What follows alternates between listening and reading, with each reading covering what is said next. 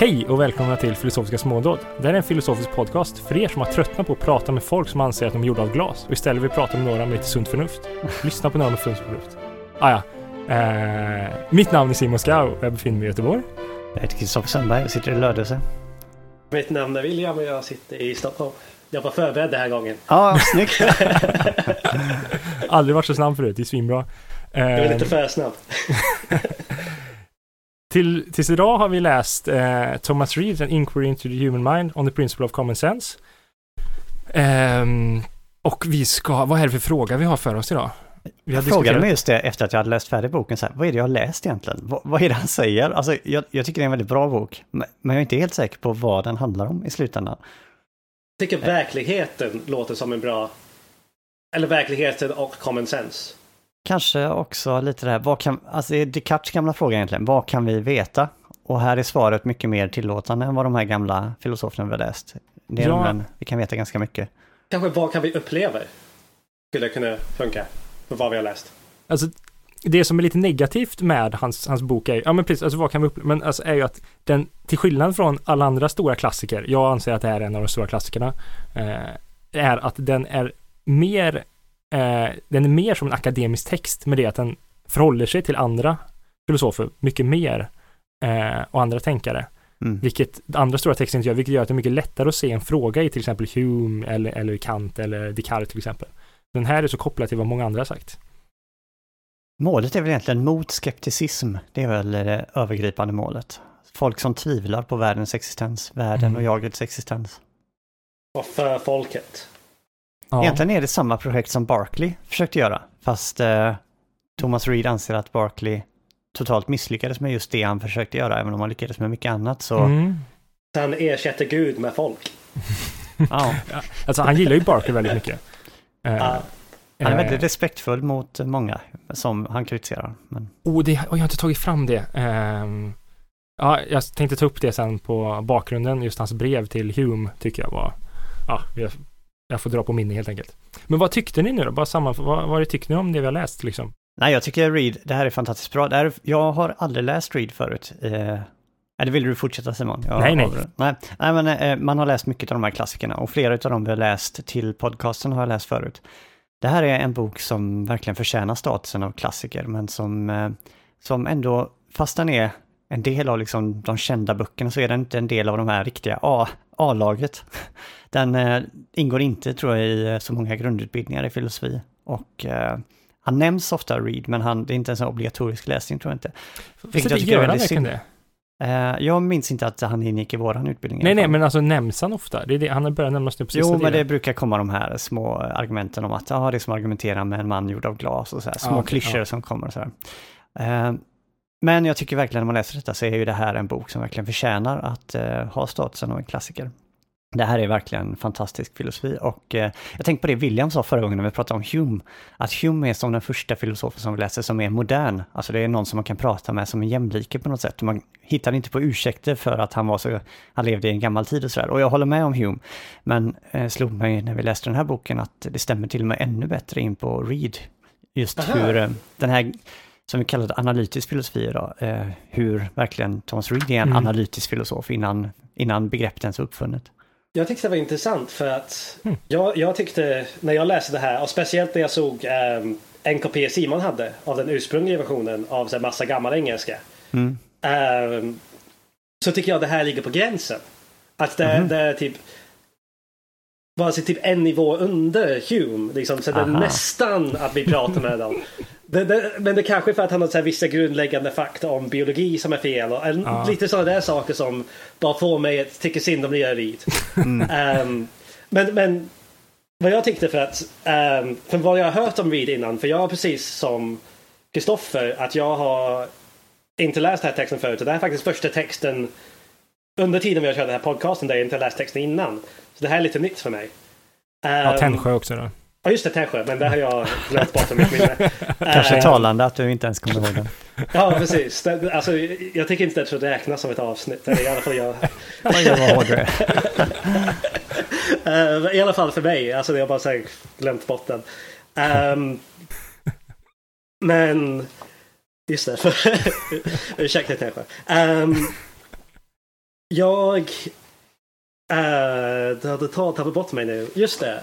Så, eh, när jag, så min, min äh, intryck av Reed är när man läser, börjar läsa filosofi på universitetet eller pratar om det på gymnasiet så brukar man alltid börja prata om uh, om en finns bordet på riktigt eller finns stolen och man säger oh vad djup man är. Um, och det finns alltid någon som är typ fan vad tråkig den här konversationen är, gå därifrån. Mm. Och jag tycker vi är den personen och sen har han skrivit en bok om det. Nej, nej. Ah, intressant att du tar upp detta. Det är någonting jag vill komma tillbaka till sen. Om Reed och filosofi står i opposition. Uh, det, det, alltså, jag kanske är lite taskig mot Reed nu. Det, det är mer, alltså, jag gör en karaktär av honom just nu. Men det var det som jag tänkte på lite grann när han var så här kritiserade folk. Mm, och kritiserade filosofin. Ofta så här, ja, men, ja, men det där kan filosofer hålla på med. Nu ska vi, så här ligger det till.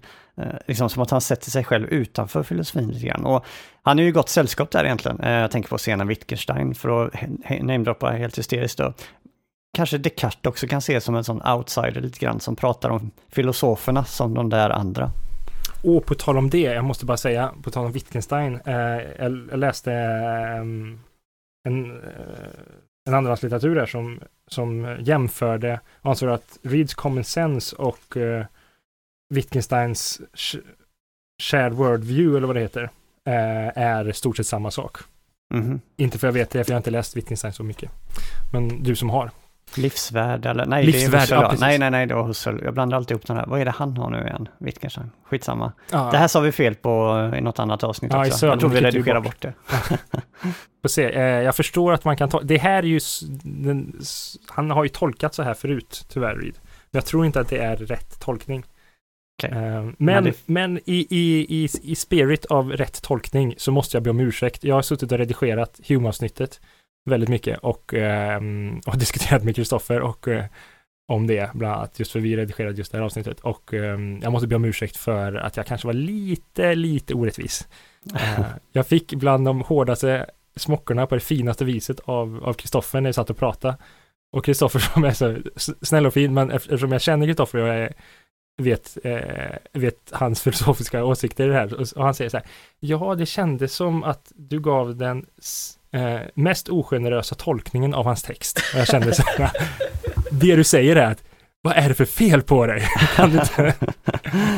um, jag stod fortfarande vid det jag sa, men jag överdrev många tillfällen och jag kanske bortsåg från vissa argument vissa tillfällen. Och jag ska försöka inte ta, vara för elak mot Arvid nu. Jo. För att Nej, jag tror till och med jag ska vara i mellanpositionen idag. Mm -hmm. um, jag tror Kristoffer kommer vara hårdare än vad jag är. Alltså, okay. Speciellt vid slutet så börjar jag tycka om Reed och jag tycker så här, ja men förutom ett par små, ett par små saker om typ vad består verkligheten av? små uh, saker. Så, så, uh, de, de där små sakerna. Så tycker jag vi tar nästan rätt ibland. Mm. Min position är väldigt eh, schizofren för att jag i mångt och mycket så säger Reed, han är så himla vettig. Liksom, han säger mycket av det som jag går omkring och tycker och tänker. Och jag vet inte vad det är, att jag mer bara inställd på att nu ska jag verkligen jobba med den texten, så därför är jag väldigt kritisk. Eller om det är för att eh, Simon, jag vet att Simon tycker om det så himla mycket, så det blir ofta så här, ta andra positioner för att kunna föra en dialog, eller om det är att jag är sur för att Simon kritiserar Hume så mycket så jag måste... jag vet inte. Nej, Om men... du inte är tillräckligt hård Kristoffer kan jag definitivt vara hårdare än vad jag tänkte bli. Okay. jag vill kanske komma tillbaka om vi pratar, när vi pratar om mer själva boken sen, när vi pratar om kanske vad som är ärlig filosofi sådär. För mitt egen relation till detta är väldigt sådär, jag, oh, jag, jag drivs med, fram och tillbaka mellan Reed och någon som till exempel Descartes eller Hume. Liksom, vad, vad är egentligen ärlig filosofi? Mm. Eh, ska vi gå in på bakgrund?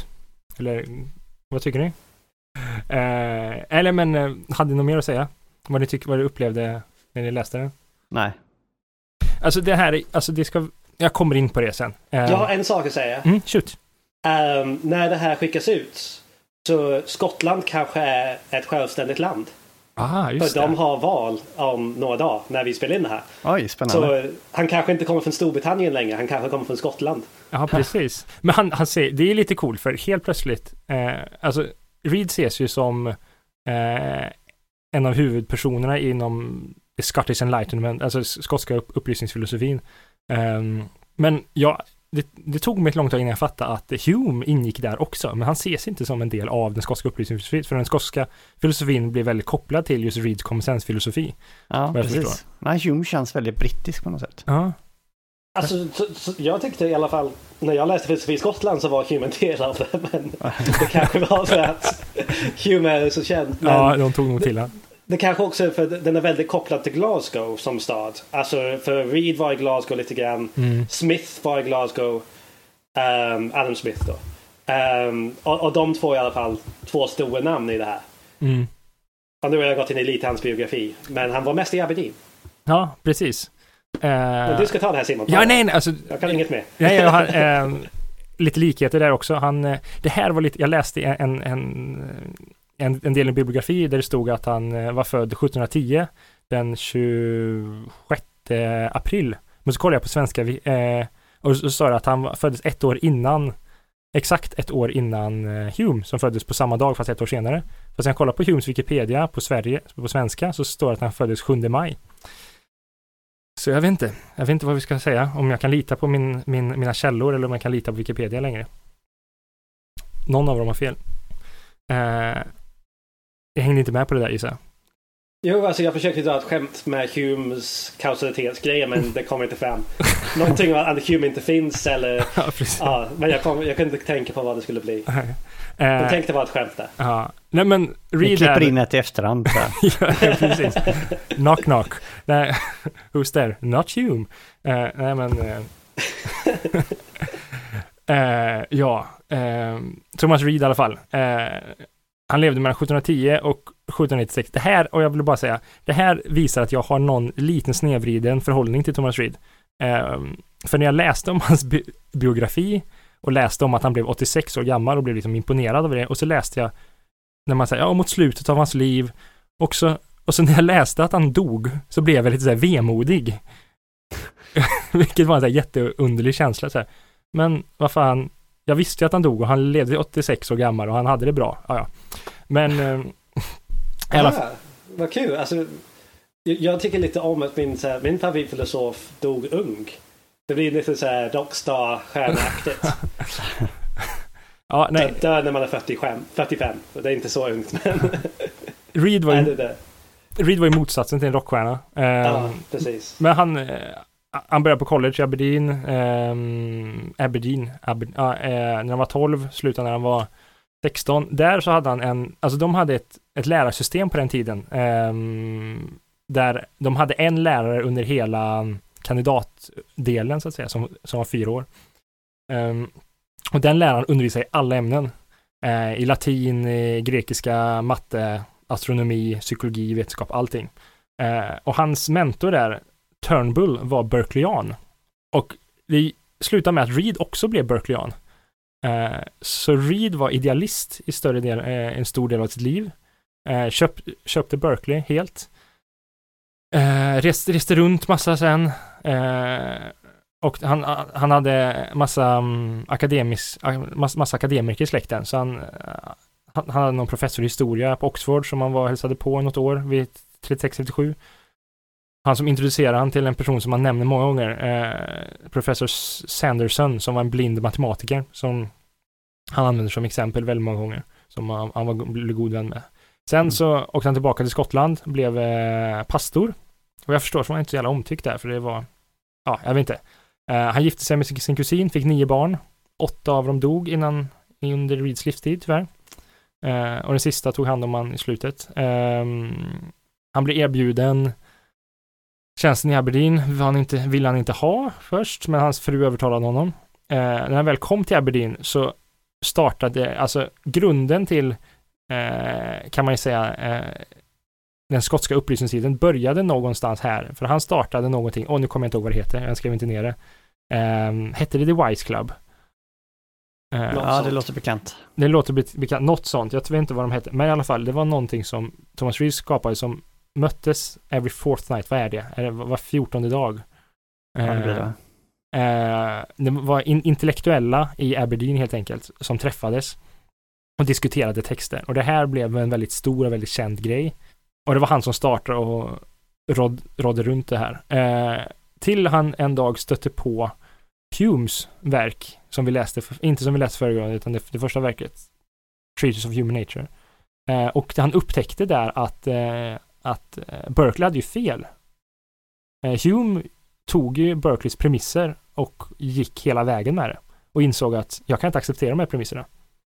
Eh, så likt som vi kommer att prata om nästa gång, Kant, så fick han känna, alltså upp till insåg han, nej jag måste verkligen, måste sätta mig och tänka på det här. Så han tog väl, väldigt många år tills han publicerade för, första verket när han var 60, 64 tror jag. 54 eller 64. Och det var den här Inquiry into the Human Mind. Han hade publicerat en artikel innan, men det var liksom inte av den här kalibern så att säga. Eh, det som är lite kul är att han ger en rätt hård kritik mot Hume. Och han hade en vän gemensamt med Hume, så han skickade honom ett brev med den här, via den, via den här gemensamma vännen och bad honom läsa den först.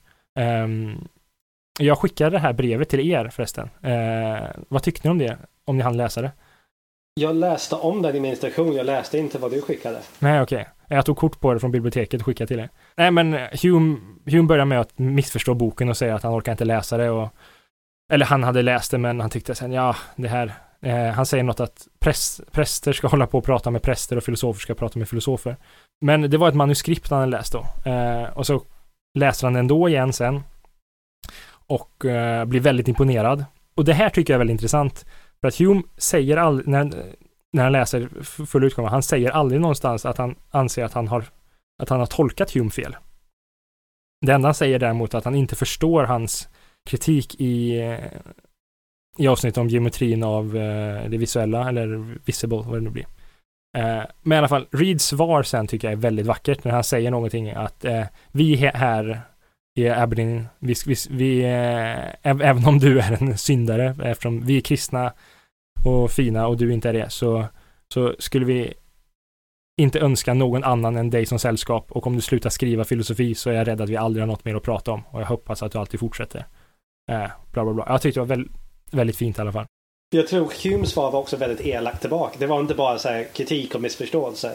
Det var väldigt elakt. Ja, jag tyckte det var rätt hö- Alltså första var rätt elakt, men sen så var det hövligt faktiskt. Tycker okay. jag det var så här. Han säger så här, åh, ja, jag för mig att han var faktiskt rätt hövlig. Han eh, säger väl någonting i stil med att eh, det tycks finnas några fel med din metod eller något sånt där säger han. Mm. Och jag kan verkligen förstå att Hume hade svårt att ta till sig, för det känns som att de har så otroligt olika utgångspunkter med vad de anser vara ärlig eller bra filosofi.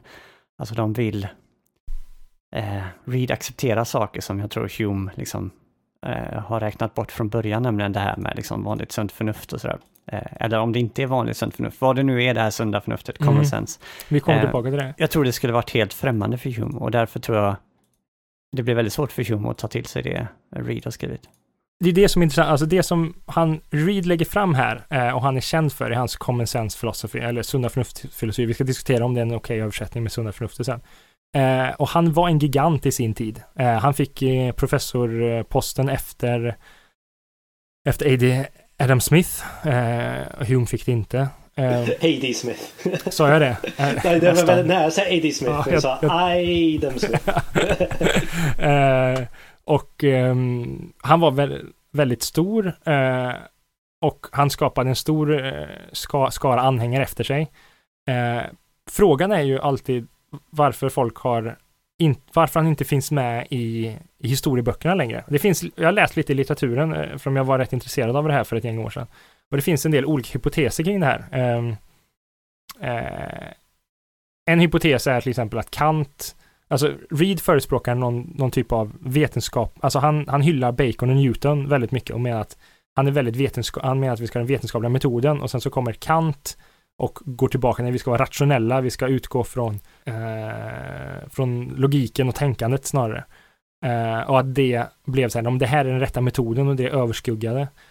Och sen också Kant som vi ska läsa, han hyllar ju, ja, om jag har förstått saken rätt så var Hume ganska okänd en period där. Och Kant verkligen lyfter Hume till skyarna i sin prolegomena samtidigt som han drar iväg en sån här riktig drapa mot Reed och de andra skotska för att de totalt har missförstått eh, Hume och är allmänt kassa.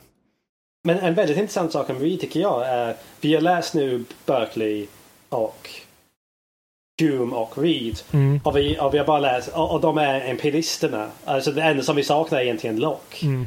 Uh, och sen finns det rationisterna på andra sidan som vi typ inte nämnt förutom Descartes och sen finns det andra som leder upp till Kant som är en syntes av båda två nästan av både empirister och rationalister.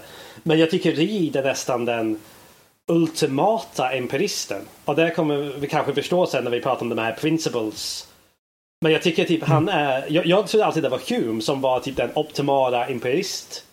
Men efter jag läste det här så tycker jag Reed är den empirist supremo. Jag tycker han, han, han, är han, han, han transcenderar likt Kant. Han är både empirist och rationalist. Han, han den. Men, men, det är väldigt, okay. men det är väldigt många, de flesta i litteraturen ser han som extremempirist. Eh, jag håller inte med det, men jag vill bara säga, alltså, det finns fler hypoteser som jag tycker är intressant. En hypotes är att en av dem som valde att sammanställa Reeds alla verk, Sir, Sir William Hamilton, som var en stor Reedian och älskade hans filosofi eh, på 1850-talet någon gång. Han valde däremot att lägga in väldigt många av sina egna tankar i det här. Och de försämrade texten väldigt mycket. Eh, vilket gjorde att typ sådana som James Stuart Mill bara hånade, ja han, William Hamilton, hans, hans teori.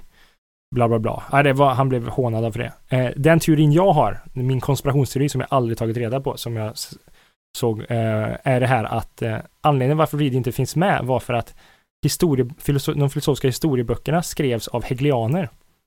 Det här har jag sagt till er, jag vet inte om jag nämnt det förut, men Va? Förlåt, jag, ska, jag tycker det är jättefint. Nej, men Hegelianer menar ju att, eh, att, att man, man ska säga historien och den intellektuella historien som tes, syntes, äh, tes, antites, syntes. Och då i historiebeskrivningen har vi då väldigt snyggt och enkelt. Vi har tre rationalister och tre empirister. Och sen har vi syntesen, här har vi Kant. Och då funkar det inte att ha en till syntes som i Reed. Och till exempel, vi, det finns ju fler stora rationalister som Malebranche till exempel, som inte får vara med, men för det ska finnas tre i varje led. Eh, jag, jag tror på den, jag har inget stöd för den. Eh, nå, någon som gör en idé, vill ha projekt för en idéhistorisk masteruppsats eller något får gärna skriva om det. Jo, jag, tyckte, så här, jag, jag, tycker om din så här, teori, men bara du kallar för en konspirationsteori som är typ Hegelianer träffas på bakgatorna i Berlin och så här, shh, har så här hemligt lösenord för ja, skriva så här hemlig historia. Ja, men det tror jag. Verkligen. Bara, det, det, är folk som säger att sunt förnuft är vettigt. Helvete heller!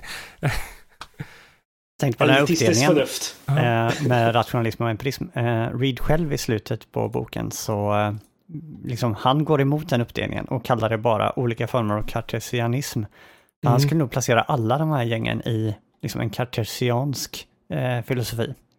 Ja, det är ju det som är intressant. Alltså, för här är det någonstans det tråkiga men också det fina, men eh, Reeds verk här, det här verket, han har skrivit andra verk sen som blivit andra, men det här är im- mångt och mycket en väldigt stark reaktion och försöker visa att det, han försöker hitta ett alternativ till vad han kallar idéteorin.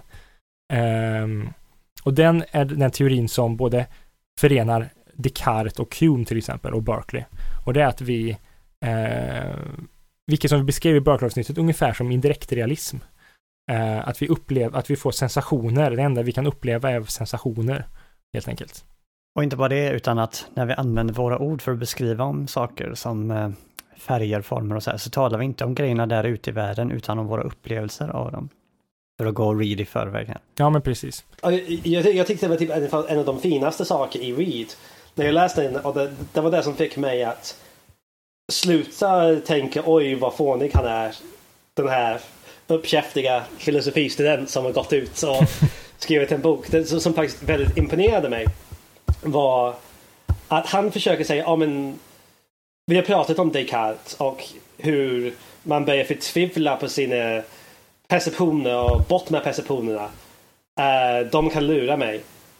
Det är bara mina tankar som jag kan tro på. Mm. Men vi går åt andra hållet och säger men varför ska jag tro på mina tankar förut? Och det, tycker, det älskar jag. Uh, varför ska jag lita på mina egna tankar? Så var skeptisk mot tankarna och sen tro på verkligheten.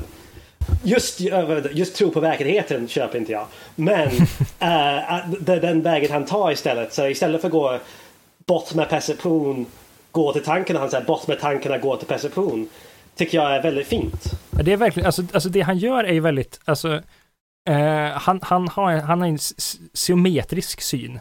Eh, till exempel väldigt många, framförallt de man pratade med under upplysningsteorin, hade en asymmetrisk syn på att eh, det, upplevelsen, det mentala, är det primära, vilket gör att man aldrig kom, Han hamnar i en sån reduktiv idealism hamnar de flesta i, enligt Reed då. Medan i eh, på, 1900-talet var det andra sidan väldigt, väldigt populärt, att man började med verkligheten är det enda som finns och så, upp, så hann man i en reduktiv materialism och upptäckte att det mentala inte finns överhuvudtaget. Um, vissa behaviorister som eh, Ryle och liknande.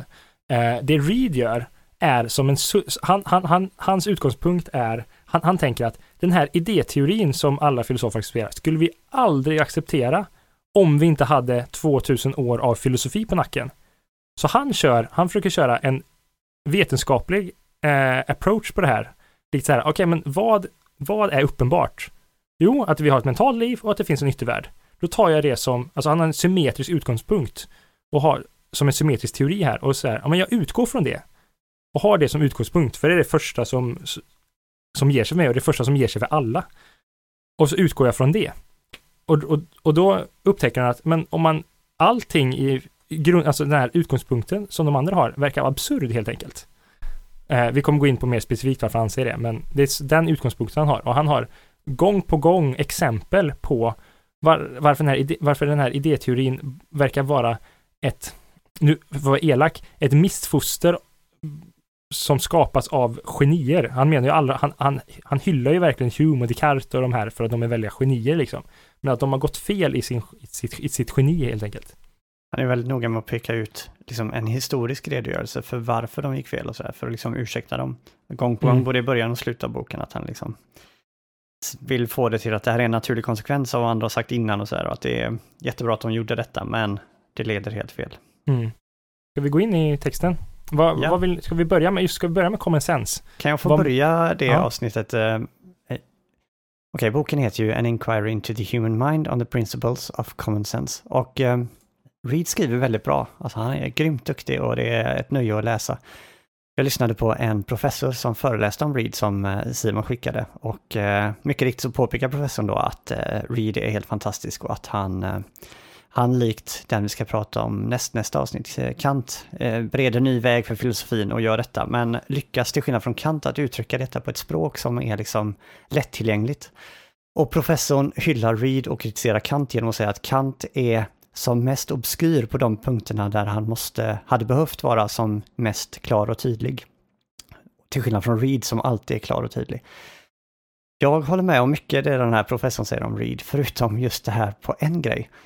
På en punkt tycker jag, eller kanske två, tycker jag Reed är extremt otydlig, där det är extremt viktigt att han är tydlig. Hela boken utgår från vad han på engelska kallar common sense och han använder också principles för att liksom göra väldigt mycket jobb. Och från början när jag läste igenom introduktionen så var jag helt säker på att jag hade slarvat och missat vart han berättar vad det här är för någonting. Men jag läste flera gånger och sen fortsatte läsa boken och inser att nej, han berättar aldrig vad det är för något rätt ut. Alltså han använder ett begrepp som, som möjligtvis han är kanske, det, möjligtvis är det uppenbart att han använder inte begreppet så som folk i allmänhet använder det, tror jag inte. Och han använder det inte så som de gamla medeltida filosoferna använde det som hade introducerat det här, common sense. Utan han använder det på något lite eget sätt. Och eh, förklarar inte vad det är. Och hela boken har jag liksom kämpat mig igenom och försökt hitta ledtrådar och försökt skriva ner så här, okej, okay, här använder han det på det här sättet, det antyder att det kanske är någonting åt det här hållet. Och som vi pratade om innan vi började spela in så tre sidor från slutet, där kommer någonting som kanske skulle kunna ses som en förklaring, men inte riktigt heller. Och det är alltså precis innan boken tar slut som det kommer någon sorts försök att förklara. Det är min stora invändning mot den här boken som gör att eh, jag har lite svårt för den, för liksom, det är det viktigaste begreppet i hela hans filosofiska system och han berättar inte vad det är och börjar använda det nästan från typ sida tre och framåt börjar det göra jobb. Men får jag komma med ett snabbt svar mot den? Jag vet inte om det kommer gilla svaret, Kristoffer det, det, det, det, är inte tillräckligt för att göra dig bekväm med svaret i alla fall. Mm. Här, ja. Men um, Oj, jag lutar mig mot mikrofonen för jag är väldigt insatt. Jag har fått utskällningar, jag lutar mig mot mikrofonen när jag börjar bry mig. Jag märkte jag gjorde det nu. Det kommer aldrig bli någon popstjärna. Så ta det som en komplimang Kristoffer, att jag vill bli insatt i det här. Om du ska bli stor popstjärna så måste du lära dig mikrofonteknik. Uh, jag behöver så här, koppla mikrofonen till mitt huvud igen. Så jag kan så här, röra mig fram och tillbaka utan om mikrofonen rör sig med mig. Mm. Det är du och Britney ehm, Spears men, som behöver sånt. Uh, jag tänker just ordet principles avslöjar vad han menar. För principles, det är inte någonting som folket använder och det är inte någonting som gamla filosofer använt på, på samma sätt som Reed gör. Reed använder det som Newton gör. Han försöker hitta axiomer för common sense. Och därför, precis på samma sätt som axiomer för gravitation behöver inte likna vår gravitation. Det ska bara fånga upp fenomenet gravitation. Jag tror hans axiomer eller principer för common sense ska försöka fånga det här allmän underförstådd idén av common sense. Uh, ja och nej. Alltså det här just uh, principalförklaringen där var väldigt bra. För han, han går igenom och snackar om just axiom och hanterar det som axiom. Det var mitt försök att svara på Kristoffers om mm. varför han inte definierat common sense. För min andra fråga är... Man behöver inte definiera gravitation. Okej, okay, för min andra stora fråga är vad menar han med principles? Och här har jag också försökt skriva jättemånga gånger så här. Uh, ibland verkar han använda det på ett sätt och ibland på ett annat. För det verkar vara, som William säger, nyckeln till att förstå vad common sense är. Uh, vad är principer här?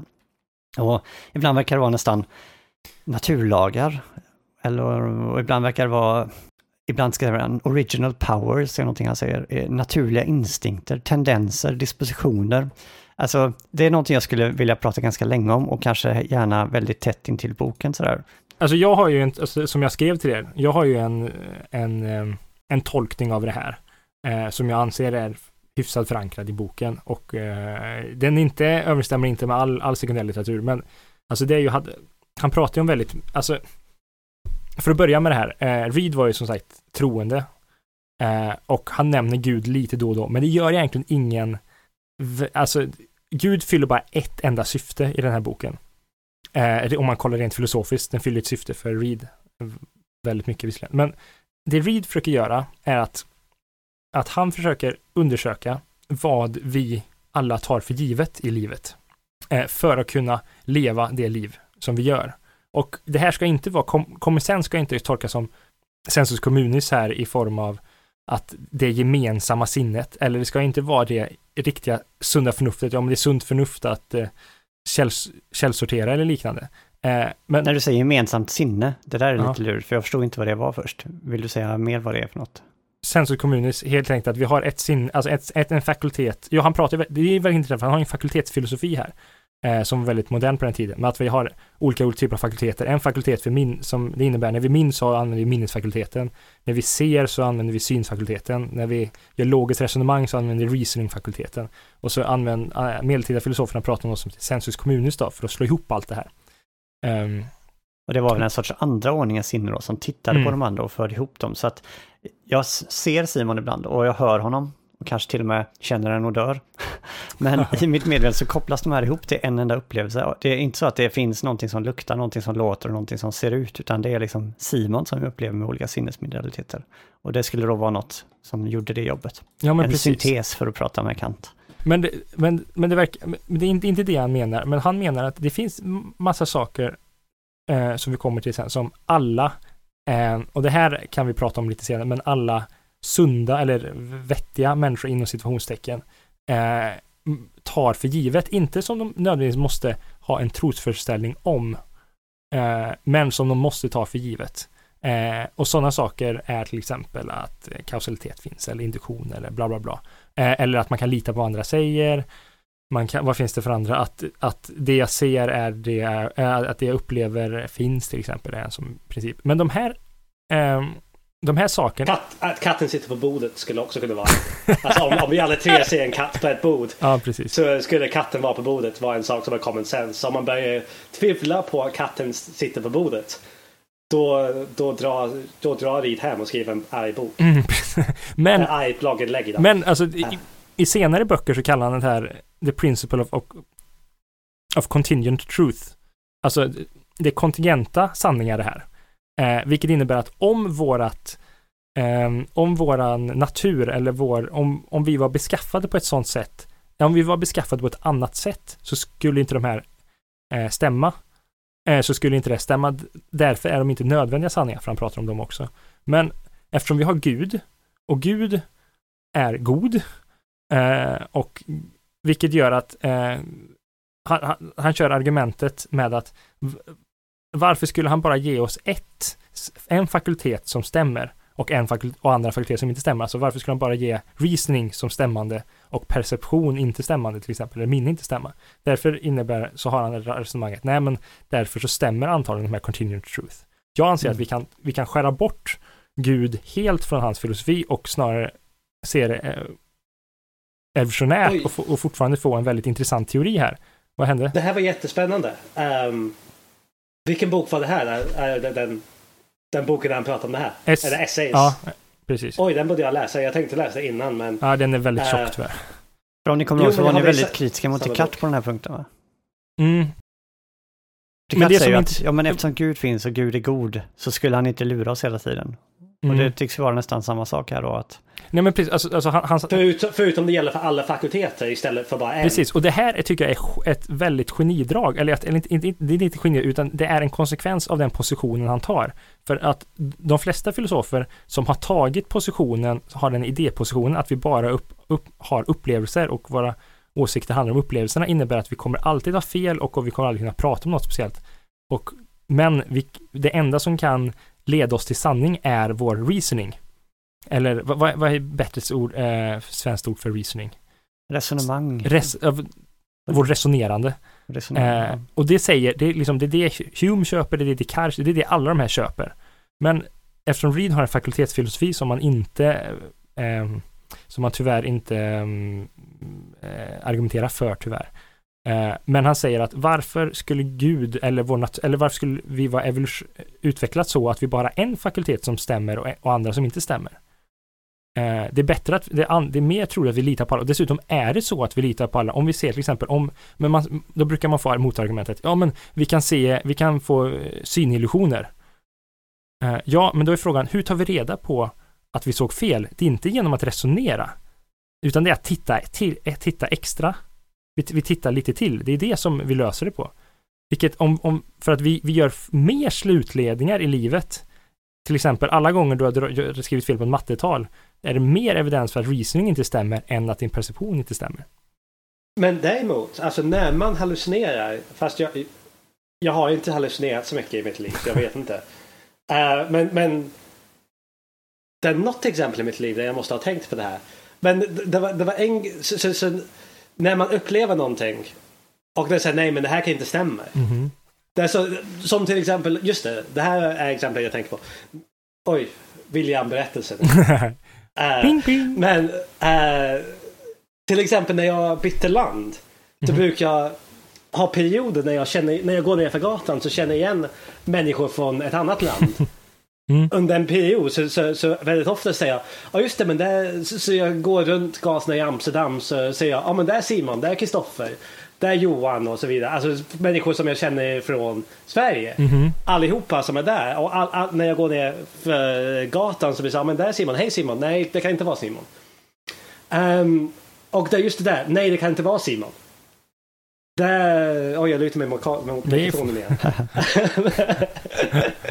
det, är just det där, oj just det, det kan inte vara Simon som är någon slags visning strikes back.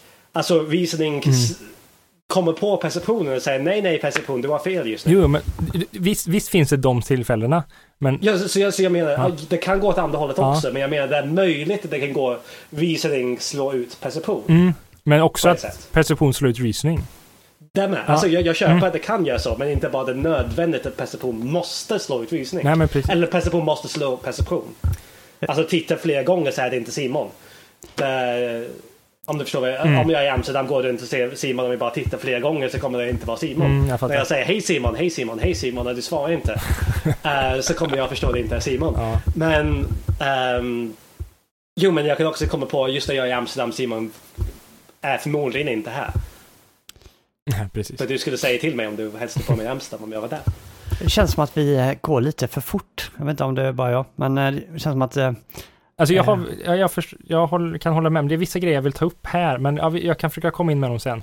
Alltså vad jag skulle vilja göra att vi pratar om, vad är Reeds eh, utgångspunkt? V vad är det han vänder sig mot? Alltså det här med hans syn på vad är en ärlig filosof eller inte? Det är liksom lite det han kritiserar alla sina föregångare med att de har lett till skepticism och varför det inte är ärligt, varför det är omöjligt att upprätthålla den sortens mm, filosofi. Köp, köp och, den. Men också sen då varför det här, ja vilken roll exakt common sense spelar och kanske gärna med lite exempel. Vänta, från... okej, okay. jag vill bara, för jag började, jag hann aldrig avsluta den grejen förut med evolution, alltså om man skulle undersöka hur, hur, hur människan är beskaffad idag och, och, och varför vi litar på våra sin, eller varför vi kan, när vi ser saker och ting så följer vi dem. Det vi gör är att försöka undersöka de underliggande mekanismer som styr det här. Och det är moderna termer för att beskriva att vi undersöker principerna för vad som är common sense. Helt enkelt. Principerna för, okej. Okay. Principerna för vad som är common sense, okej. Okay. Ja, alltså, alltså, alltså, här är ju viktigt att det, alltså, enligt Will, som William pratar om, alltså principerna betyd, betyder något annat för Reed på den tiden. Alltså det är liksom grundstrukturen för hur det ska, alltså axiomen. Var, alltså om vi har de här axiomen och vi får in ny information. Bara med ren axiom så bevisar vi ingenting, utan med axiom och så lägger vi in några propositioner så får vi, kan vi ta fram några bevis. Samma sak kan vi beskriva hur medvetandet fungerar rent psykologiskt, att vi har olika typer av modeller och processeringssystem och så lägger vi in input på det och då kan vi förutsäga, okej, okay, ah, det kommer vara en grön häst vi ser. Det är på samma sätt ungefär. Menar du mm. common, hur ser du relationen mellan principerna och common sense? Principerna är, alltså common sense är de saker vi måste ta för givet, eller som alla tar för givet i vårt vardagliga liv. Eh, eller som vi, som vi inte kan leva i motsägelse till.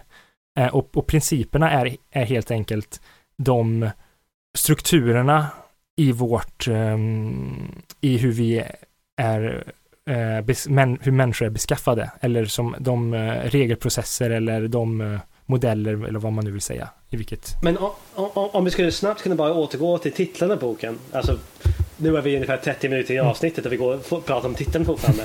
Men En Inquiry into the Human Mind on the principles of common sense. Alltså det är axiomer om common sense för att förstå den mänskliga hjärnan. Mm. Okej. Okay. Eller mänskliga hjärnan är fel, mind, alltså ja. det går inte att översätta. Medvetande kanske, eller själ. Ja. Eller... Men hur som helst, jag har en tredje förståelse och jag, ja det är kanske meningslöst att säga, men det var den här sida 219 i min, men det säger inte er någonting. Mm. Men det är det här, där det jag tycker det låter som att eh, en summa eller en mängd av principer utgör eh, common sense. Alltså common sense är ett aggregat eller det är en hopsamling av sådana här principer. Okej, okay, ja, då kan jag läsa på engelska, det kanske ja, blir långt men... Okej, okay, jag börjar med att säga så här. Such original and natural judgments are therefore a part of that furniture which nature has given to the human understanding. Okej, okay, så vi har vissa originella och naturliga omdömen, alltså att man anser, att jag anser att det regnar imorgon, det är ett omdöme. Okej, okay, så vissa sådana här omdömen, antagligen om att jag finns, att det finns en värld utanför mig, de är liksom en del av, eh, som naturen automatiskt ger till oss människor. They are the inspiration of the Almighty, no less than our notions or simple apprehensions. Alltså de bara, precis som att upplevelser kommer in i oss utifrån så har Gud skickat in sådana här uppfattningar direkt till oss. They serve to direct us in the common affairs of life, where our reasoning faculty would leave us in the dark. Så att han har många exempel där han tar upp unga barn, små barn, där tidigare filosofer har sagt att det krävs förnuft och reflektion för att komma fram till detta. Och han visar att även små barn klarar av till exempel att greppa efter någonting som befinner sig på ett visst avstånd. Så alltså är det någonting annat, någonting primitivt. They make up what is called, uh, nej, nu. They are a part of our constitution and all, all the discoveries of our reason are grounded upon them. They make up what is called the common sense of mankind, and what is manifestly contrary to any of those first principles is what we call absurd. Så att de är en uppsättning av första principer, det är common sense. Så tolkar jag det han här i slutet av boken. Ja men första principer och axiomer ser jag som samma sak. Ja. Ursäkta, mm. ja. Och det, och det, det, precis som Newtons lagar. Det finns inte bara en lag om gravitation, det fanns tre. Så på samma sätt, det finns inte bara en axiom om, om sunt förnuft eller common sense. Det finns... Jag 12, typ. orkar inte räkna. en sak bara du sa Simon, äh, William. En sak, en princip om common sense. Men jag tycker... Vad sa jag där? Jag, jag, jag menar principer om. Alltså axiomer om common sense. Men det är ordet om jag reagerar på. Angående den mänskliga hjärnan. Vad sa du? Det är ordet om jag reagerar på. Mm, att de alltså om det... common sense. Jag... Nej, om, om ska det inte vara. Uh... Ja, men det, det är för att jag sa fel. Ah, okej, okay, okej. Okay. För att... Uh... Presumtionsfel, andra språk. Fast, fast det, det är så titt. Ja, nej men... Um, Nej, för det är just det jag undrade om det var liksom om common sense eller om att de utgjorde common sense. Summan av dem utgör common sense. Det är så jag tolkar Aha, dem här i slutet. Jag tolkar det som att, eh, att det är de som bygger upp common sense. Ja, inte utgör. nej, Aha. inte, inte utgör. Bygger upp common sense. Alltså på samma sätt. Som, ja men se alltså tänk dig ett Eh, tänk dig en logik eller tänk dig ett datasystem där du skriver in hur det fungerar. Alltså jag är jättetråkig men det här, jag, jag tycker det är mycket lättare att beskriva i de här termerna. Vi tar förstaordningslogik logik eller vi tar satslogik och som vi bygger upp enligt vissa axiom hur det ska, hur det ska fungera. Sen så lägger vi in en proposition eh, som som alltså, vilket kan motsvara input av någonting. När vi slänger in det i ett system som baseras på de här axiomen så kommer vi få eh, vissa svar. Och det är de här men vi kan redan ta reda på, givet de här axiomen, vilka, vilka tendenser av svar vi alltid kommer att få. Men det säger inte vilka svaren är, men vilka tendenser till svar vi alltid kommer få.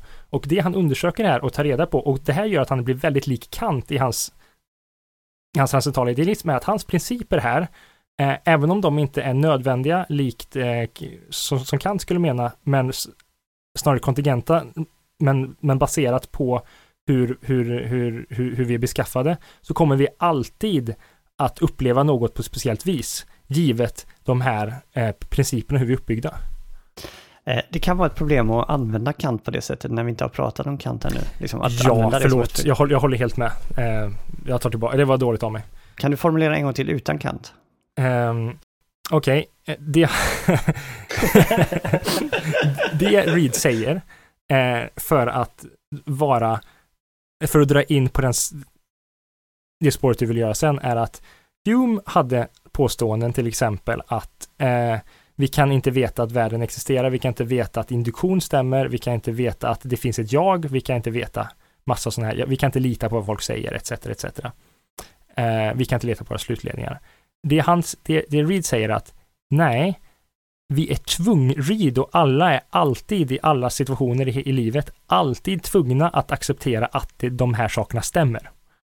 Och varför stämmer, varför måste vi lita på att de här sakerna stämmer? Jo, det är baserat på hur vår natur är beskaffad. Vår natur är beskaffad beskrivs i termer av principles, alltså principer, axiom eller regler eller vad man nu vill ha. Eh, och den natur som vi rör oss i. Så att vi, vi, vi är bestämda av hur naturen är och hur vi och hur vår natur är beskaffad. Hänger ni med? Ja, jag förstår. Alltså, det, det, är en liten semantisk grej om så här, vad handlar axiomer om? Bygger de upp eller? eh, Nej, alltså eh, jag... det kän- det känns som en väldigt liten semantisk poäng som, som vi pratar om här. Aha. Alltså vad, vad, viktigt. gör axiomer? Handlar, handlar det om bygga dem upp? Uppgör dem? Alltså det finns väldigt många så här, alltså. Jag tror, jag, jag vet vad vi pratar om i alla fall. Jag, jag, jag, jag, jag kanske, jag, jag tycker inte det är lika viktig. Som ni kanske gör. Men det är kanske för att jag är mer flummig än vad ni är. Alltså, eh, här är det två saker. Antingen är det så att Kristoffer, du inte förstår vad jag säger, eller så är det så att du säger, du säger att ja, det är en intressant tolkning, men, den har inte, eh, men jag har inte stött på den tolkningen eller en förankring i boken. Du menar när jag frågade om det var Ja. Det ena? Nej, jag förstod ärligt talat inte. För att jag Okej, ja. läste citatet mer som att det är, här har vi, låt säga, tre principer. När vi, de här två, det är liksom, det är det common sense är, det är de här tre principerna. Medan du vill snarare säga att common sense är resultatet av att de här principerna, det är, sum, det är resultatet av att input har hamnat i de, jag, jag förstår Mm. inte. Ja, det, är som att du vill inte säga att de är ja. identiska med principerna. Nej, nej. För, jag är det ett försök. Mm de här principer fångar upp eh, uh, fångar upp common sense. På samma, på samma sätt som Newtons lagar fångar upp all möjlig rörelse som finns under den tiden innan ljusets hastighet fanns. Alltså, så, så all, all- motion som fanns i, i Reeds och Newtons tid. Om man skulle försöka beskriva det skulle man kunna göra med Newtons tre lagar. Om man vill försöka beskriva eller fånga upp fenomenet common sense. På samma sätt som man vill försöka beskriva eller fånga upp fenomenet rörelse eller motion. Så ehm, gör man det med Reeds axiomer när det gäller common sense och Newtons axiomer när det gäller uh, motion eller rörelse. Mm. Eller, eller har jag miss, totalt missförstått? Eller vad, tyck, vad tycker du Simon och vad tycker du Kristoffer? Börjar ut Kristoffer. Jag, jag hade en liten vinkling till en annan sak. Uh, jag tyckte det var bra. Kristoffer. För mig är det väldigt svårt att veta vilken roll common sense spelar. Uh, uh, nej, det kanske inte är svar på Williams fråga egentligen. Nej, jag tänker på det här skillnaden mellan vad jag kallade stark common sense och svag common mm. sense.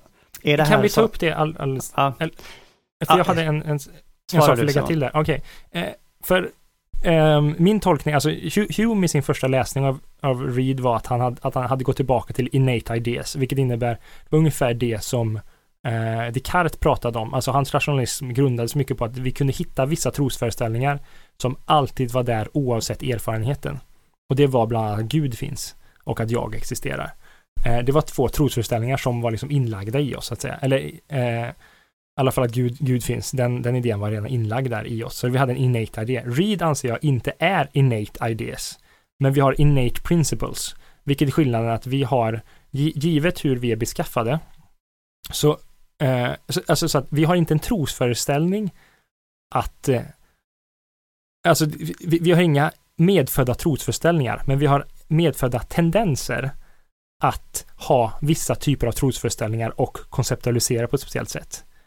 Och de här tendenserna är med andra ord principerna. Så det är det som skiljer, alltså det, och, och de här grejerna eh, som är common sense är inte några explicita trosföreställningar, utan det är sätt att agera i världen.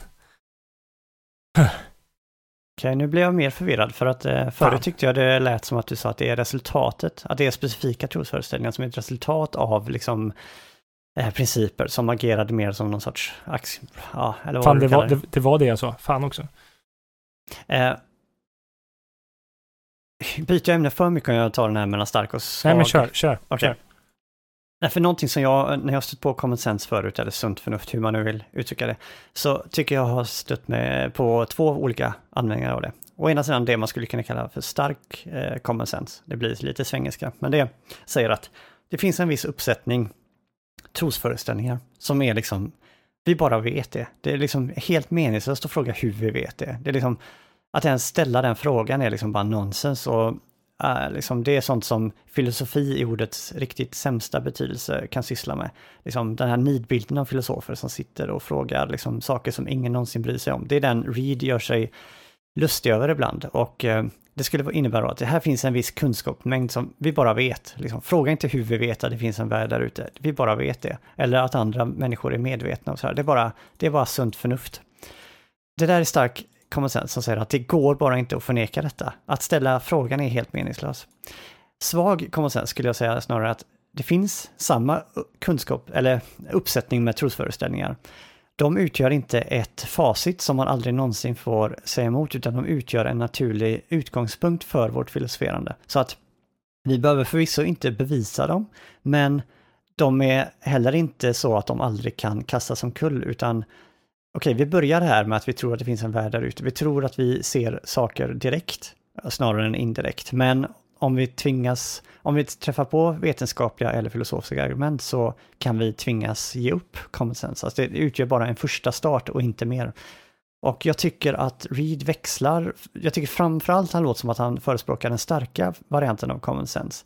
Det enda anledningen till svag var något ställe i boken som jag kan hitta med lite ansträngning och Simon, att du hade läst i någon annan bok där det var det här contingent, vad det nu mm. var. Eh, vad tror ni, vilket av dem är det han menar? Får jag svara på det snabbt? Ja, um, innan... annars kommer Simon um, säga svaret. um, jag, jag tycker starkt minus, eh, om man får säga så. eller, eller svag plus. Ja. Um, för, för för jag drar det här analogin till Newtons fysik hela tiden nu. Men på samma sätt som Newtons axiomer inte stämde och vi har uppdaterat dem.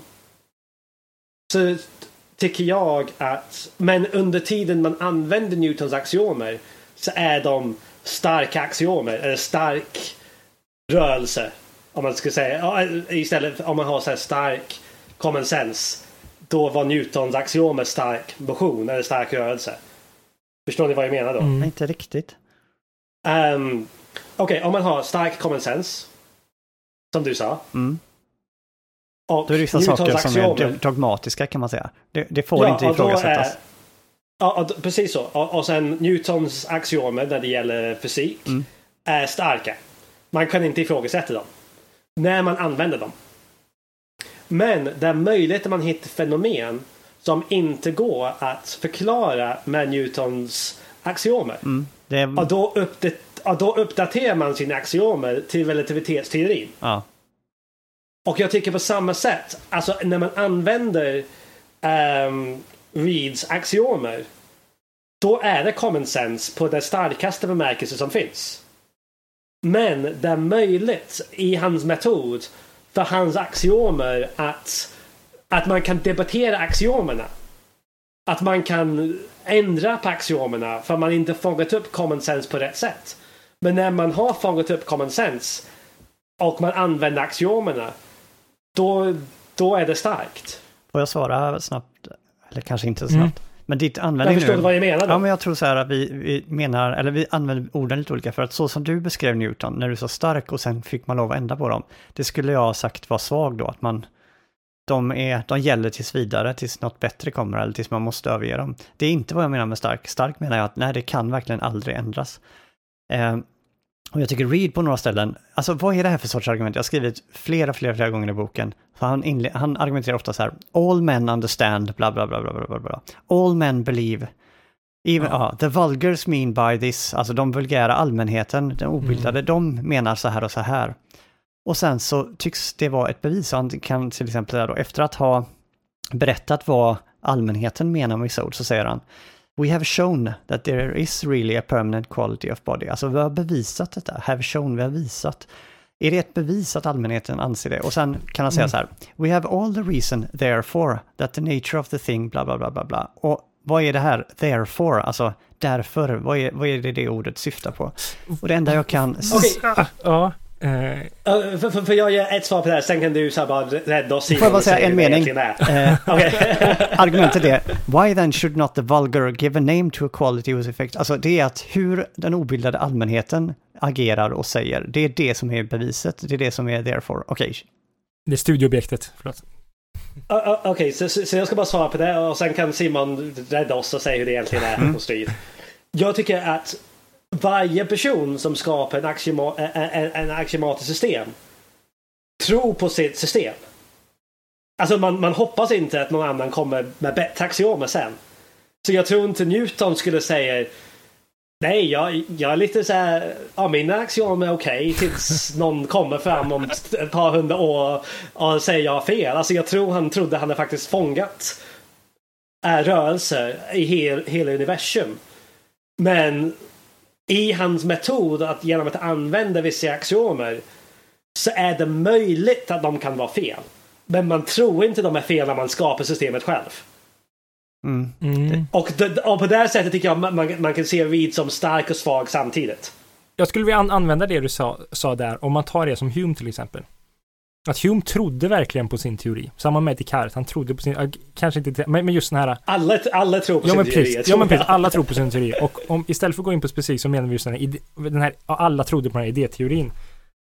Eh, de som inte, eh, han säger på ett ställe att eh, de som tror på sin teori, de går emot common sense. Och det är på ett sånt sätt att de kommer alltid vara slavar för common sense. Så man kommer alltid kunna väl, välja mellan, vilket innebär att det blir en stark åt det här hållet. Eh, en stark common sense. För vi kommer alltid få, eh, common sense är på det sättet att oavsett vilken konstig teori du än har, så kommer du alltid vara bunden via common sense. Till exempel att du kommer alltid, alltså, som man säger, men Hume trodde att, att, att det fanns ett jag som kunde bli hyllat. Han trodde att det fanns en, att folk kommer läsa det han säger. Han trodde han skulle ha en effekt på det han hade skrivit. Han, alltså allt det här trodde han, kun, han kunde inte agera som om det han sa var sant. Så då kan vi antingen välja, som hade någon metafor med att antingen vara män som simmar uppför strömmen i panik och efter de blir trötta, stackars, de kommer få flyta sakta in i hamn till common sense. Ehm, att vi, vi kommer inte kunna komma ifrån att agera efter common sense. Så det, det tenderar mer mot starkt. Däremot så säger han på, med att det är, alltså att de här principerna är contingent. Eh, att de kan fortfarande vara det kan fortfarande vara fel, men vi kan inte inte agera efter dem, så att säga. Eh, vi kommer alltid få vissa trosföreställningar och vissa konceptualiseringar av saker och ting. Men de kan, all, de kan vara falska, men vi kommer alltid ha dem. Och det är där han slänger in Gud. Jag vill ta bort Gud och säga, men vi är evolutionärt utvecklade till att vara så här. Och, och, och kolla på det här viset. Men han, han försöker göra sitt argument starkare genom att använda Gud där. Men det behövs inte, för jag tycker det är tillräckligt starkt för att säga att vi är evolutionärt utvecklade gentemot vår natur. Att alltid uppleva saker på ett speciellt sätt. Men då måste jag fråga, nu låter det som att ni pratar om, och att Reed pratar om, hur uppstår våra trosföreställningar? Jo, vi är evolutionärt utvecklade att alltid tro det här och det här, snarare än någonting annat. Är det det han säger, eller är det något starkare att vi faktiskt vet det här om världen, att det finns en värld där ute? Det är den första. Att vi... Jag tycker det, jag tycker det andra, fast det är en annan, en annan tolkning, men jag, jag tycker det är mer så här, ja, men vi alla råkar vara uppleva världen på samma sätt. Och eftersom Gud finns eller något liknande. Vi har samma fakulteter och bla bla bla. Så um, därför måste det vara sant. Alltså, han kallas ju realist och om Simon, du har rätt nu så skulle jag säga att det är helt fel att kalla honom realist. Om det inte alls är så att vi vet att det finns en värld där ute, utan det här är bara en teori som säger att alla kommer att tro att det finns en värld där ute. Jo, det är men, allt han vill visa. Ja, i jo, så men, fall. Jo, men hör här, det här är en väldigt, väldigt viktig men eh, intressant skillnad. Principerna är konvergenta. Det betyder inte att de inte är sanna. Det är, alltså, det är, det är en kontingent påstående Nej, vad är studieobjektet? Det är ja, men, vänta, vänta, vänta, vänta, för, det, det, det, är en kontingent påstående att säga att världen finns. Det betyder inte att det inte är sant. Så att han är, fort, är han faktiskt, är fortfarande realist, även om påståendet... Nej, men det, det, är faktiskt en axiom att de är sanna. Och det blir en axiom att den är sant. Nej, nej, ak- aha, okej. Okay. Tyvärr har jag inte sidan uppskriven med det här men så som, som, som jag förstod i alla fall att varför våra trosföreställningar är likadana är för att världen finns där ute mm. och, och det verkade som en axiom. Ja. Och det blev och jag förstod inte varför den axiomen var nödvändig. Jo, jo, jo, men det är för att han har sin symmetriska syn. Alltså han, han, han försöker vara god empirist här, eller så här, god vetenskapsman. Vad är uppenbart för oss? Att världen finns och att det mentala finns. Okej, okay. jag, jag, jag kör inte bara det mentala helt enkelt, som de andra har kört i idéteorin. Uh, han utgår från det. Och sen så kan det visa sig att han har fel sen, men det är ett resultat av att axiomen, eller att det blir fel i slutändan. Men... Uh, jag frågade vad hans studieobjekt var, för att... Uh, okay. Boken heter ju Inquiry into the bla bla bla of mind, så att det låter som att det är människors medvetande som han ska forska på. Mm. Men gång på gång i boken låter det som att han har ansett sig ha bevisat att världen finns där ute. Eller snarare så att den finns där ute och att det är helt galet att ens tvivla på det. Och det var det jag frågade. Visar han någonting om vårt psyke eller visar han någonting om världen? Kommer du ihåg att när vi pratade om James så frågade jag så här. Handlar James teori om en teori om hur och vilka trosuppfattningar vi har en tendens att fatta och när det är berättigat att tro det snarare än någonting annat. Eller handlar det om vad sanning är, alltså vad som verkligen finns där ute? Här är samma sak. Jag frågar, anser Reed kunna bevisa och visa saker om vilka tankar men, vi... Är, ja. mm, men ta det här som exempel. Om, om, om vi kör en, en Berkeleyansk position. Berkeley började med att anta att det finns en oberoende, vi säger att vi, vi, om vi tar påståendet att det finns oberoende yttervärld, så får vi intryck av den här oberoende yttervärlden det här, det här intrycket och yttervärlden är inte lika varandra. Eh, därför så, det enda vi upplever är intrycket. Så därför så kommer vi inte kunna uppleva något annat än våra egna idéer. Eh, och det börjar där, det börjar med utgångspunkten att det finns en yttervärld och sen visar att den inte finns. Eller vi kan ha tillgång till den. Eh, Reed gör samma sak här och säger att om vi inte hade den här förhistorien om med idéteorin så skulle vi upptäcka att till exempel att vi skulle, han säger, ja, vi får intryck. Han köper Berkeleys teori att de inte är lika varandra. Men om idéteorin skulle vara sann, att det enda vi har är upplevelser, så skulle de här upplevelserna inte signifikera någonting där ute. Men eftersom intryck alltid signifierar någonting, så innebär det att vi alltid har ett koncept av att det finns någonting som någonting pekar ut. Så att vi har en, vi har en innate konceptualisering här. Eh, innate, och det, medfödd. Ja, medfödd, tack. Förlåt. Jättebra. Medfödd har jag menat hela tiden. Um, uh, och, och där kommer han, han kör, han, uh, så han, han menar att om, jag, om, om vi skulle bara, om vi inte skulle haft den här idéteorin, men ha samma utgångspunkter, så skulle, så skulle vi få in insikt av hur våran, eh, hur vi är beskaffade, till exempel att vi är beskaffade så att, allt, att alltid konceptualisera, eh, att, att eh, få koncept som refererar till det som eh, betecknas i vår upplevelse. Jag, jag, du tappade bort mig där faktiskt. Här. Eh, det lät som att du sa att vi, vi är medfödda att alltid... Vad? Jo, alltså okej, okay. han säger så här. Eh, ni köpte Berkeley-grejen va? Att, hans, att, att, han bör, att han började med att världen finns, men så visar det sig att men nu är det bara intryck ändå. Eh, hängde ni med på den grejen? Ja. Okej, okay, vad bra. Eh, det han kör, om vi säger, okej, okay, men vi tar bort idéteorin. Eh, nej, nej om, nej, om vi säger, nej, vad idéteorin egentligen skulle säga, om det bara finns intryck, så skulle vi aldrig tro att de här intrycken refererar till någonting, för det finns inget annat än intrycken. Det finns bara våra upplevelser. Men vi, kommer, men vi upplever alltid att någonting refererar till något externt från oss, som inte är en del av oss. Vilket innebär att vi har, eh, och om vi har det tillsammans med teorin att vi får intryck av någonting som vi började med i Berkeley, så kommer vi upptäcka att vi har en medfödd kapacitet att, att alltid konceptuella, konceptualisera det, eller att en konceptualisering att peka ut någonting. Eh, det, det, sista ordet sa jag fel, men att vi alltid har en tendens att peka ut det som vi ser på. Eller det, det, vi, det vi upplever, helt enkelt. Och det är så han kommer till skillnaden mellan perception och sensation sen till exempel. Jag, jag känner mig jättedum, jag hänger inte med. Det går så fort. Um, okej, okay, när du säger förneka idéteorin. Hur, ja. hur, okej. Okay. Eh, så som jag förstår det så är att han förnekar den genom att säga att titta här, the vulgar, alltså allmänheten, mm. de använder inte orden så här. När de säger färg så menar de inte upplevelsen av färg, utan de menar färg där ute och att det är mm. två olika saker. Okej. Okay. Ja, eh, hur menar du att han förnekade idéteorin? Ja, men i det han går fall... med på att det finns idéer, eller hur? I sensationer. Ja, ja men precis. Upplevelser av objekt, okej. Okay. Men att de pekar ut någonting. Och om idéteorin skulle vara sann, så skulle det bara finnas intryck, vilket skulle innebära att vi aldrig skulle ha eh, no, då skulle vår, vår medföddhet aldrig vara motiverad att peka ut någonting, för det skulle aldrig finnas något Stopp. att peka ut. Ja. Okej, okay, nu hamnar vi i en sån position då. Okej. Okay. Låt säga vi bara absurdum här nu, bara testa på det. Idéteorin är sann. Det finns ingenting utanför oss, utan vi är idealister. Det finns bara intryck. Mm -hmm. Han säger sig nu ha bevisat att vi har en medfödd tendens att tro att de här intrycken pekar ut någonting utanför oss. Okej. Okay. Och, och den är alltid falsk, blir resultatet nu av den här, eller hur? Om mm. det inte finns någonting där ute. Okej, okay. vad var argumentet sen? Argumentet blev alltså tvådelat. Att en idéteoretiker skulle ju säga att vi kan börja med intryck och komma fram till att vi bara uppar upplevelser.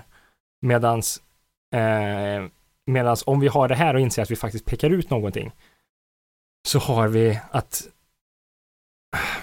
ja, så har vi helt enkelt eh, att vi pekar ut någonting utanför våra upplevelser av det. Eh, Okej, okay, så det är mot väl... indirekt realism, men inte mot idealism då antar jag? Nej, för om vi säger... Nej, precis. Tänk alltså, jag älskar, jag, jag, älskar allting förutom just påståendet att världen finns. Mm. Ja, för säg Barkley ja. då. Utgå från Barkley okay, jag köper det. Jag köper det. Barkley säger att det finns bara intryck. Det finns ingenting utanför.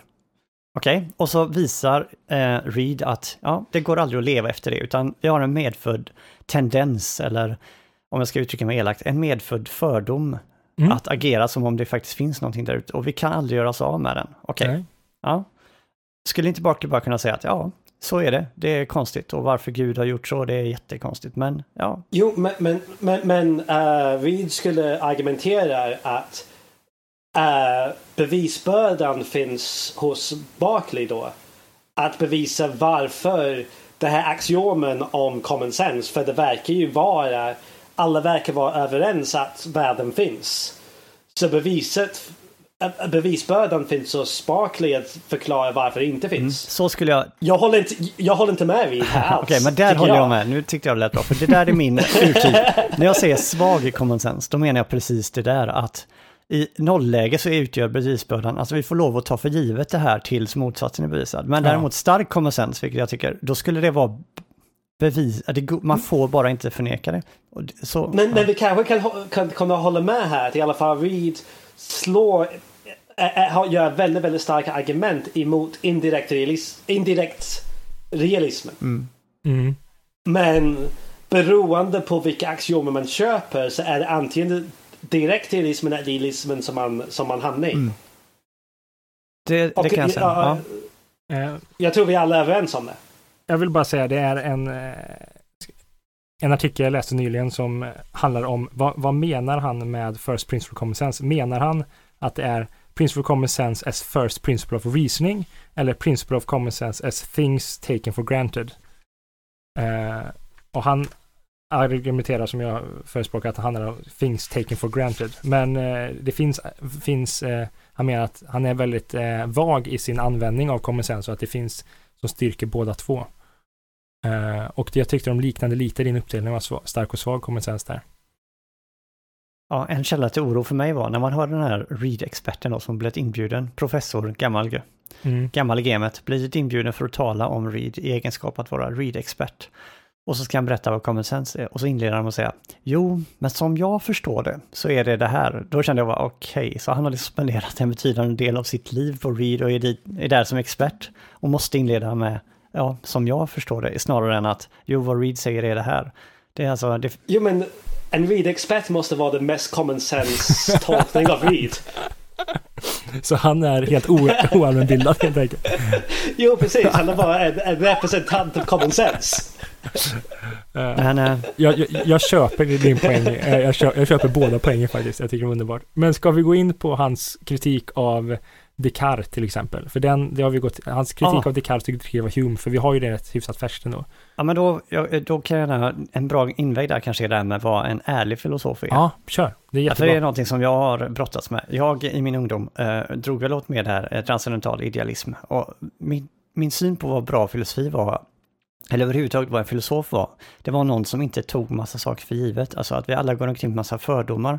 Och det här tror jag bygger på eh, någon ungdomlig läsning av till och med Sofies värld eller någonting där de pratar om att, jo men, liksom, som barn är du helt ärlig, du går inte omkring och har massa eh, fördomar, utan eh, ja, du, du är helt öppen för världen.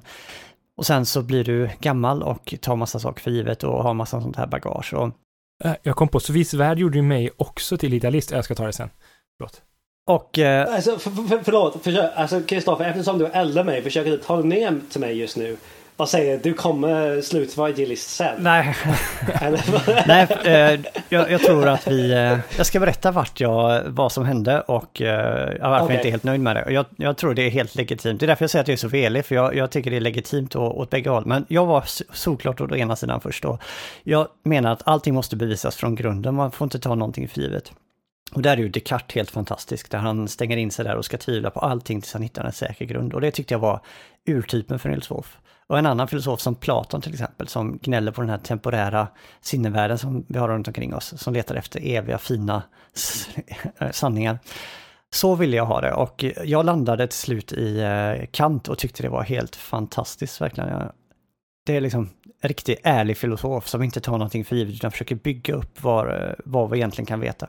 Men sen så läste jag den här A.D. Smith, eh, modern brittisk filosof, som jag och Simon har pratat om flera gånger. Och han börjar med vad jag förut kallade det här med svag common sense, nämligen att vi behöver inte bevisa allting, utan vi får ta vissa saker för givet tills vidare. Vi, vi får lov att utgå från att saker och ting är ungefär som vi går omkring och tror att de är.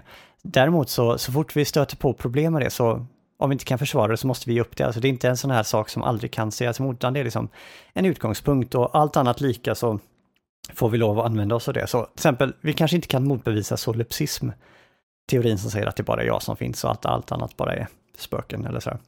Men det gör ingenting för att liksom, vi får lov att ta för givet att det inte är så.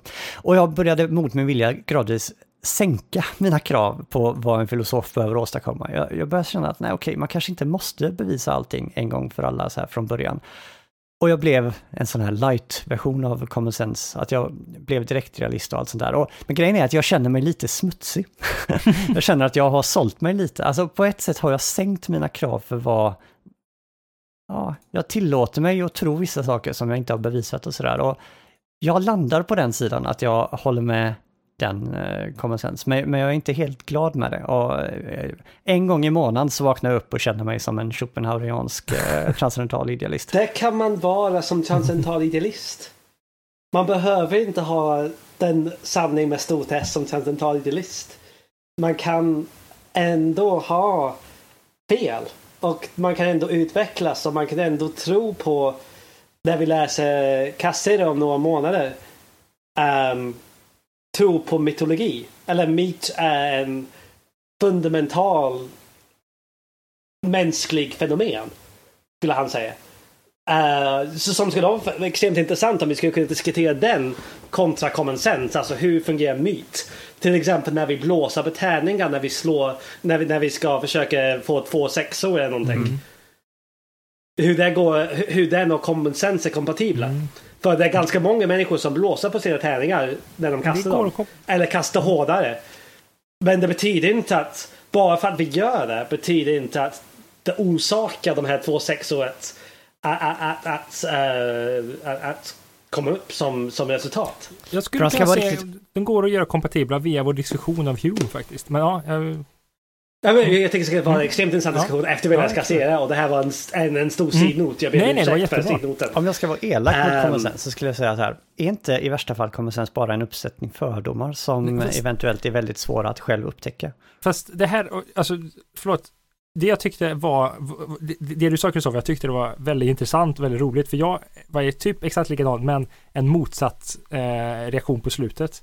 För jag tror något, något som lockade mig med filosofi, alltså det finns olika saker som lockar med filosofi, men i början när, man, när jag höll på med filosofi så var det två, två saker som lockade. Och det, den ena saken som lockade var att det, alltså filosofi är på något sätt lite liksom någon typ av magi någonstans. Man håller på med så här andra världar, abstrakta grejer, alltså utan att säga så här, men det jag vill göra är att sitta och spela Dungeons and Dragons, utan man säger, nej men jag håller på med filosofi.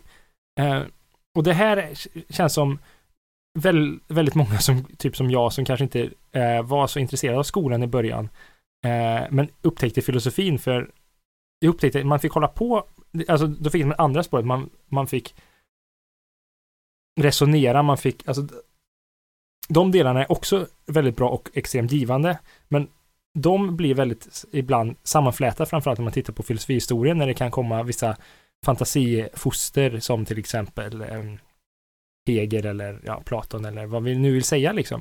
Eh, när jag stötte på Eddie Smiths som Kristoffer gjorde, så första gången så slogs jag av den här eh, Oj, det här, alltså man kan bedriva filosofi om vardagliga ting och göra riktigt bra filosofi och kolla på med de här fina argumenten och försöka förstå. Och sen efter det har jag kommit till Read till exempel, där man har, på, de här har påståenden till exempel att du får filosofera hur du vill, men om du kommer till en slutsats som säger emot att du inte kan lita på dina minnen, att du inte kan lita på vad andra säger, att inte andra människor finns etc. Då har du gjort fel, för du kommer aldrig i ditt liv kunna leva efter de här. Och då kommer du aldrig ha undersökt hur människan är beskaffad. Så gör om, gör rätt, men du får göra det. Men om du kommer fram till någon slutsatsen så har du gjort fel. Då, då vet du, har du svaret, du har gjort fel. Så då kan man istället som Reed utgå från att de här sakerna stämmer. Och det där är stark common sense för mig.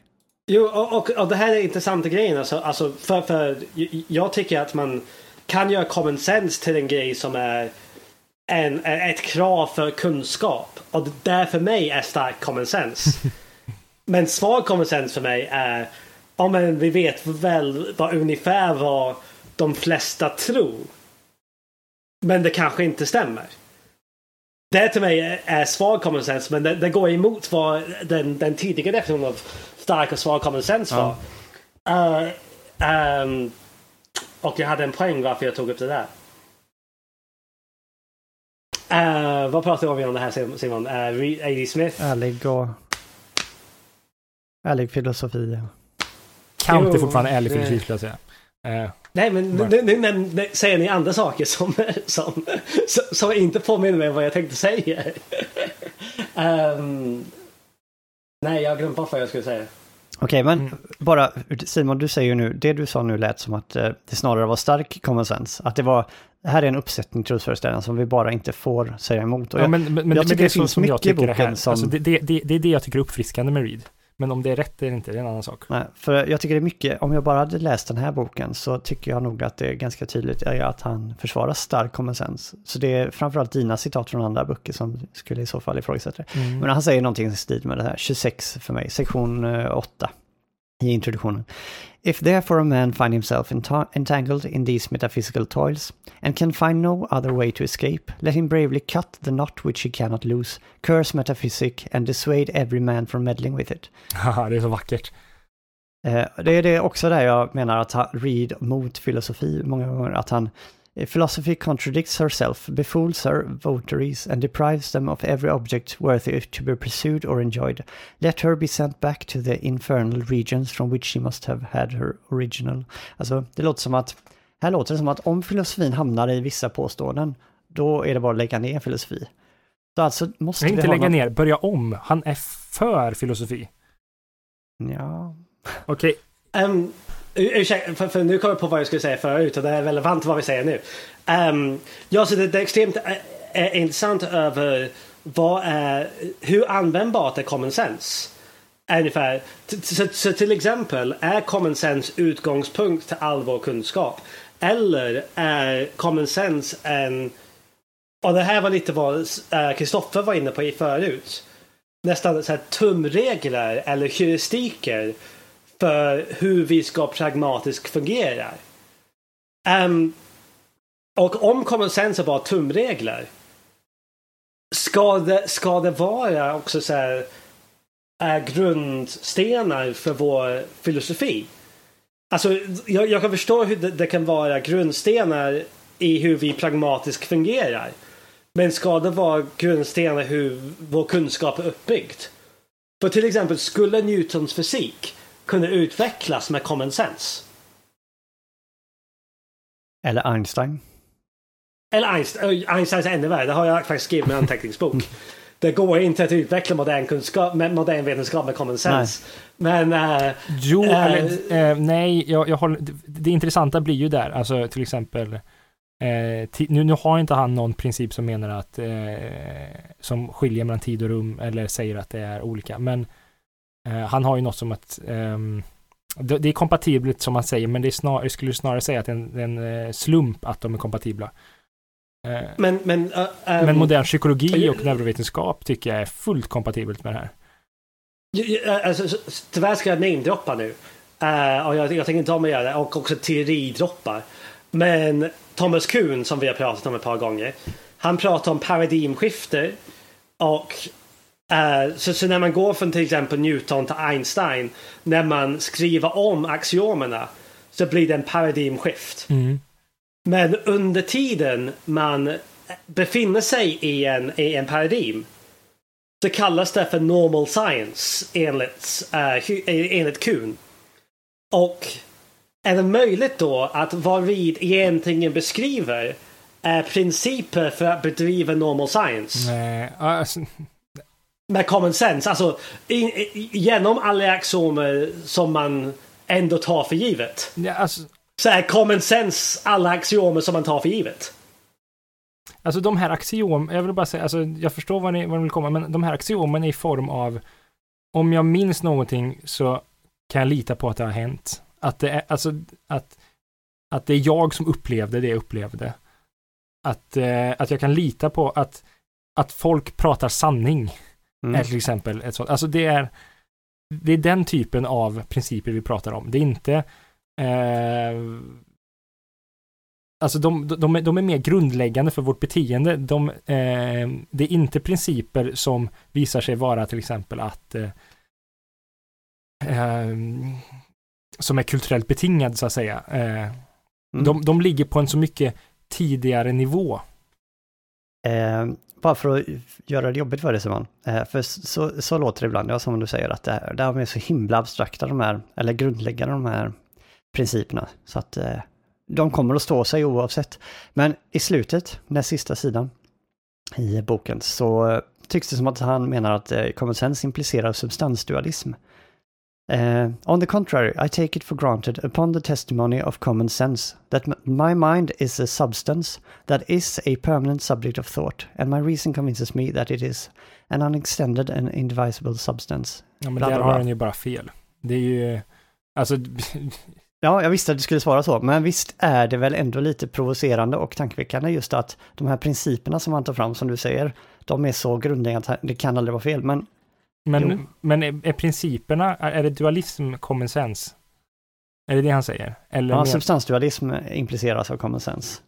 Eh, vad sa Eh. vi nu? Eh, Nej, alltså inte substansdualismen. Jag tycker dualismen är common Ja. sense. Alltså om man ska... Det kan jag köpa. Fast det är starkare här. Det är ju ett, eh, en substans som är är, inte har någon utbredning. Och som är odelbar. Jag menar, det är ju, det är ju substansdualism. Jo, men jag tycker det, det, det är ännu... Jo, men vänta nu. Jag trodde du sa egenskapsdualismen. Ja, men substansdualismen är väldigt är starkt. Och ja, jag håller med. Jag starkt. tror, ja, jag tror att han, han, gick, han hade fel helt enkelt. Där. Eh, han gick Mm. för långt. Eh, jag köper inte det. Men det är Däremot, precis du, det som är problemet. Dualismen köper jag. Ja, Att men den är problemet är att eh, hur vet vi, jag menar, hur vet vi att vi inte har fel när det här common sense, eh, alltså om vi tar den starka, för det är mycket av det han skriver och även det du säger Simon, implicerar den här starka, nämligen en uppsättning trosföreställningar som bara inte går att tvivla på eller förneka. Nej, men det är väldigt skillnad. Alltså, vi kan inte förneka, jag tror aldrig att vi kan förneka en dualism eh, i en mening. Eh, däremot så kan vi förneka att den här ena dualism, att, den, att det finns en själ till exempel. Det kan vi förneka, att det finns ett liv efter döden. Det kan vi förneka lätt. Så att det behöver inte vara, men, men den här dualismen, att det finns en mental värld inom situationstecken och en eh, materiell värld inom, situationstecken. Den kan vi aldrig förneka. Men uppenbarligen så verkar han ju ha trott att eh, substansdualism är, alltså det öppnar Jo, jo, jo, upp för men att vi men inte alla behöver vara ensamma om de här common sense. Så. Men han gick för, för långt. Men, Men, men, men, men samtidigt, alltså Reed har ju fel om fakta, det har Mm. Kant med. Alltså, när vi ska prata om Kant nästan två gånger så eh, har Kant fel om geometri. Och nu, nu när vi pratar om Reed, han har bara fel om perception ibland. Mm. Alltså, det är inte hur hjärnan fungerar, det är inte hur ögonen...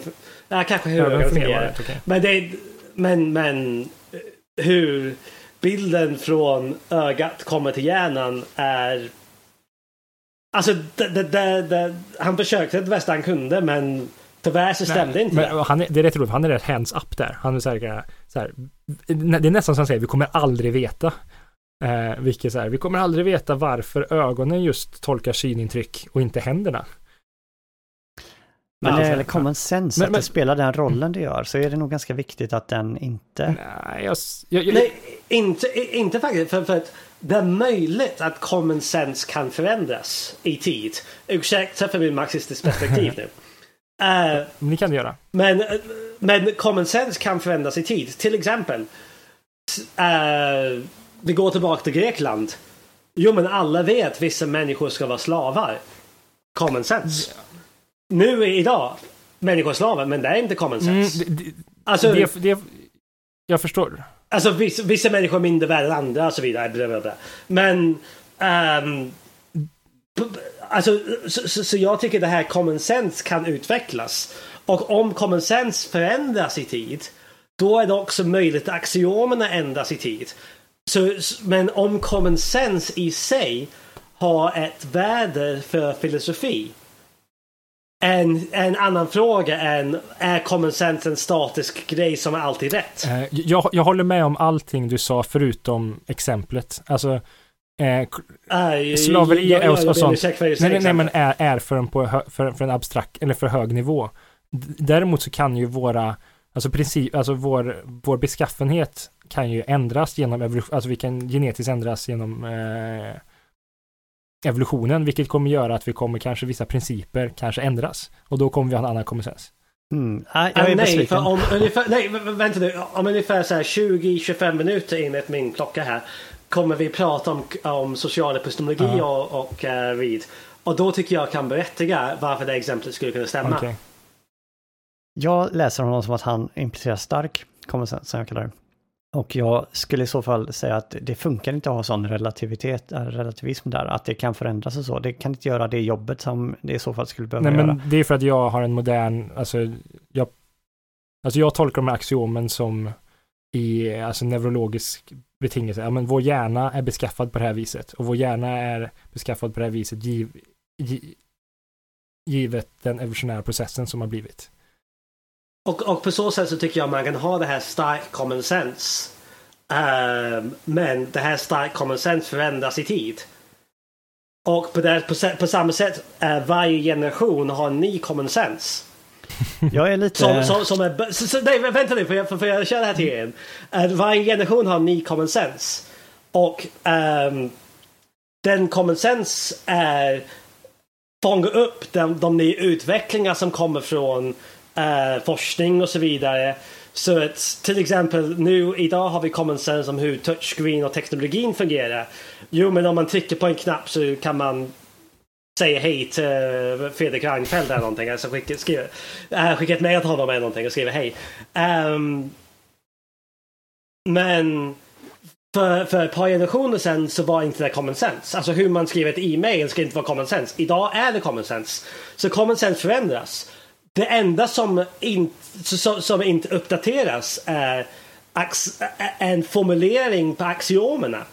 Men det skulle, det skulle man kunna göra om man var en lidian och en maxi, marxist samtidigt. Skulle man vid varje generation uppdatera common sense-axiomerna. Och då är det stark common sense hela tiden. Men common sense är ändå någonting som är som en vätska som flyttar och så utvecklas och blir bättre med tiden om man, om man har någon slags hegeliansk marxistisk kunskapsteori här som kommer gå mot den ultimata sanningen så kommer common sense också gå, bli bättre med tid. Som till exempel, vi har inte common sense om slaveri finns längre. Jag, jag säger inte det här stämmer för det finns massa hemska saker i common sense idag som kanske inte fanns för ett par år sedan. Det kan, ja. Förstår ni vad jag säger nu eller har jag precis Nej, jag förstår vad du säger. Jag, jag tycker det låter mer som sunt förnuft, alltså som vi säger ja. på svenska. Den, eh, alltså jag, jag, kan mycket väl tänka mig, eller jag tror, jag är ganska övertygad om att det finns någonting som är, fungerar så som du säger William. Men jag blir på ett sätt besviken om det är det Reed menar. Jag trodde och hoppades att han menar någonting starkare. jag tror inte, jag tror inte, alltså precis, jag tror det här är, det du beskrev tror jag stämmer. Det är inte det som Reed syftar med när han, pek, när han säger common sense tror jag bara. Men det här, det, det är faktiskt det han beskriver. är en statisk punkt i tid av common sense vid den tidpunkten. När han pratar om den vetenskapliga saker som han vet, som han känner mm. till. Alltså, om man... Så det är därför jag inte tycker man ska prata med honom idag. För han var en statisk punkt. Han pratade om statisk common sense vid hans tidpunkt när han nej, levde. Men, nej, men Ja, vi kan prata om common sense idag och det är inte common jo, sense jo, som jo, jo, jo, för kolla på hans principer till exempel. Alltså, hans princip. Vilka av dem? Det är för många. Nej, men i, principen av induktion, att vi kommer kunna här, härleda saker. Eller principen att vi alltid kommer eh, lita på att folk pratar sanning.